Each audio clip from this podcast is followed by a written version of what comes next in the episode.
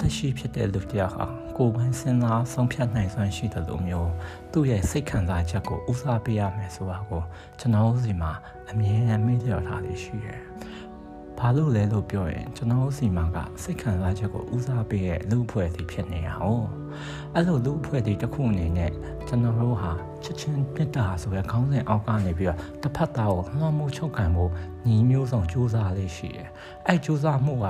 အောင်မြင်သည်ဖြစ်စေမအောင်မြင်သည်ဖြစ်စေကျွန်တော်တို့စီမှာအကြောင်းပြချက်ကတော့အမြင်ရှိနေရပါပဲ။နေ့ကငါချစ်လို့နေ့ကငါပူကောင်းစေခြင်းလို့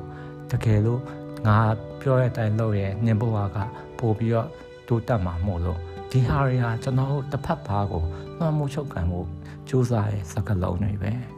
ကျွန်တော်တို့ကကြိုက်ခြင်းမကြိုက်ခြင်းကိုပြောလို့ရတာဆိုပေမဲ့ဖြစ်တဲ့ခြင်းမဖြစ်တဲ့ခြင်းကိုလမ်းညွှန်တဲ့အခါမှာတကယ်စဉ်းစားဆုံးဖြတ်ရမှာတော့သူကိုယ်ပိုင်ပဲဆိုတာကိုအမြဲတမ်းမိသွားတတ်တယ်အဲ့တော့စဉ်းစားဆုံးဖြတ်တဲ့အချိန်မှာသူ့ရဲ့ဆုံးဖြတ်ချက်ကိုလေးစားတတ်နေဆိုတာလေကျွန်တော်တို့ကမေ့ရော့နေတတ်ကြတယ်လေ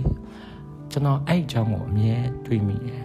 အခုဒီရက်ပိုင်းမှာပူအောင်တွေးမိသေးတယ်ဘာလို့လဲဆိုတော့ကျွန်တော်ကိုယ်နိုင်ကလည်းလူတစ်ဖက်သားရဲ့ စဉ်းစားဆုံးဖြတ်ချက်ကိုဘယ်တော့မှလိုက်နာလေးရှိရလို့တယောက်မဟုတ်လို့ပဲအထူးသဖြင့်မိဘရဲ့ခြားမှာကိုယ့်ရဲ့ချစ်ချင်းမြတ်တာတွေခြားမှာကျွန်တော်ဟာကိုယ်ဆုံးဖြတ်ချက်ကိုကိုအမြဲအလေးထားဖို့ကြိုးစားရလို့တယောက်ဖြစ်နေရဖြစ်တဲ့အတွက်ပဲအဲ့ဟာနဲ့ပတ်သက်ပြီးတော့ကျွန်တော်ကိုပြောချင်လေးရှိအောင်တွန်းအားပေးခဲ့စစမ်းရလည်းရှိသေးတယ်ဘယ်လိုမျိုးလဲဆိုတော့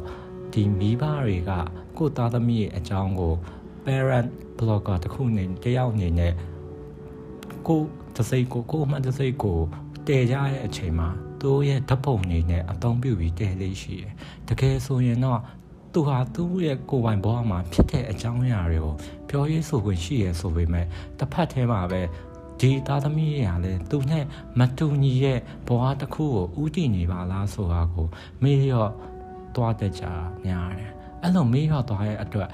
သူ့သားသမီးရဲ့ဒီသူ့မိဘကတိဆောက်ထားတဲ့ ဒီလူမှုကွန်ရက်ပေါ်ကပုံရင်းနဲ့ကိုက်ညီအောင်ကြိုးစားပြီးတော့နေထိုင်ရလိမ့်ရှိတာပဲ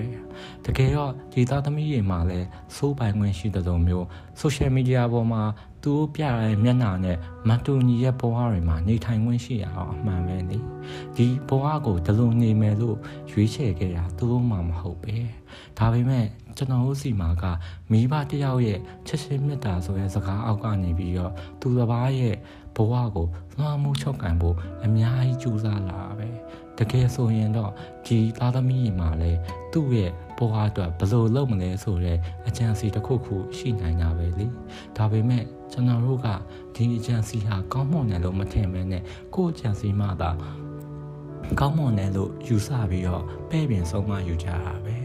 တကယ်ဆိုရင်ကျွန်တော်တို့အနေနဲ့ ပဲ့ပြင်ဆုံးမယူရဆိုတဲ့အချိန်မှာလမ်းညွှန်မှုတစ်ခုပဲဖြစ်တဲ့နာမဟုတ်လားဒါပေမဲ့လမ်းညွှန်မှုတစ်ခုတည်းပို့ပြီးတော့လွှမ်းမိုးချုပ်ကန်ခြင်းဟာကျွန်တော်တို့ရဲ့ရှိရဲ့အာဏာကိုအလွဲသုံးသပြုရကြပဲမဟုတ်လားဗျာ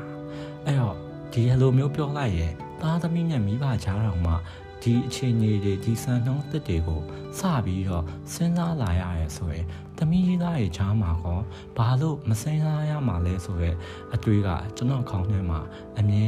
ပေါ်ပေါ်လာလေးရှိတယ်ဟုတ်ပါတယ်ကျွန်တော်လည်းတစ်ချိန်လုံးကတော့ကျွန်တော်ရေးစားရဲ့ကောင်းကြောင်းနေကျွန်တော်ရေးစားကိုချစ်တဲ့အကြောင်းနေလူမှုကွန်ရက်မှာတက်ရေးခဲ့လို့ပဲတစ်ချိန်လုံးကလည်း ကျွန်တော်ဟာ anniversary ဆိုရဲကိုရေးစားရဲ့ကောင်းကြောင်းကိုကျွန်တော်ကရေးလေးရှိရဲ့အဲ့လိုရေးရတဲ့အခါမှာကျွန်တော်ကလောက်ချရေးရမျိုးမဟုတ်ပဲနဲ့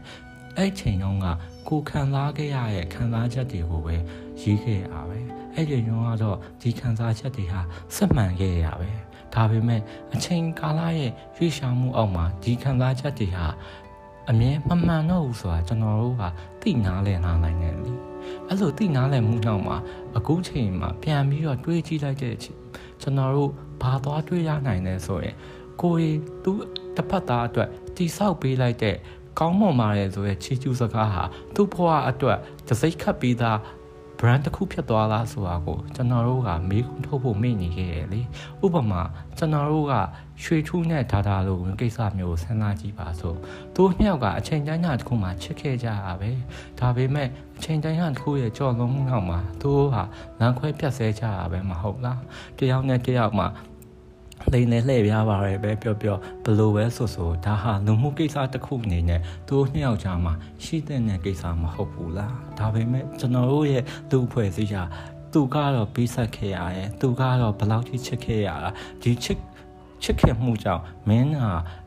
ဒီစီးမြင်စည်းကမ်းတွေကိုလိုက်နာတဲ့နယ်ဆိုပြီးအတင်းကြီးဘောင်ခတ်ယူလိုက်တာပဲမဟုတ်လားအဲ့တော့တွေးကြည့်စမ်းပါအောင်ကျွန်တော်တို့ဟာလူတစ်ဖက်သားကိုကိုဆက်ချက်မြဲချက်နေရဆိုရဲအကြောင်းပြချက်တစ်ခုနဲ့ရင်ကိုကပါလိုက်ပြီးဆက်ချက်မြဲချက်နေရမယ်ဆိုတာကလူတစ်ဖက်သားကိုအချင်းထောင်တစ်ခုရဲထည့်သွင်းတာနဲ့ဘာများကွာအောင်ပါလဲဒါပေမဲ့ကျွန်တော်တို့လူအဖွဲ့စည်းဟာလူတစ်ဖက်သားရဲ့ခံစားချက်ကိုတမိယူစားပင်ဖြစ်နေကစားစဉ်းစားတဲ့နယ်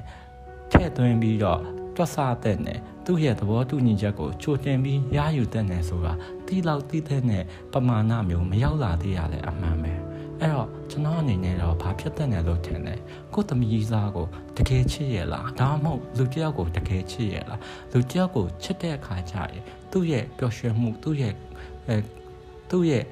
စိတ်တဘောကသူ့ရဲ့ရည်ရွယ်ချက်အစရှိရာတွေကိုကုညီဖေးမဖို့နဲ့လမ်းညွှန်ဖို့ပဲတတ်နိုင်တာမျိုးမဟုတ်ဘူးလား ကျွန်တော်တို့ဟာဘသူ့ကိုပိုင်လို့လဲတကယ်တွေးကြည့်လိုက်ရင်ကျွန်တော်တို့ပိုင်ဆိုင်တာကျွန်တော်တို့ကိုကျွန်တော်တို့အောင်မှပိုင်ဆိုင်လို့လားဆိုတော့မိကုံရောက်လာတာပဲတကယ်တော့ကျွန်တော်တို့အားလုံးဟာအထီးကျန်နေတာဖြစ်တယ်လို့တစ်ချိန်တည်းမှာပဲကျွန်တော်တို့ဟာကျွန်တော်ကိုကိုယ်တိုင်တော့ကျွန်တော်တို့ပိုင်ဆိုင်ခဲ့ရမှာမဟုတ်တာဗျာ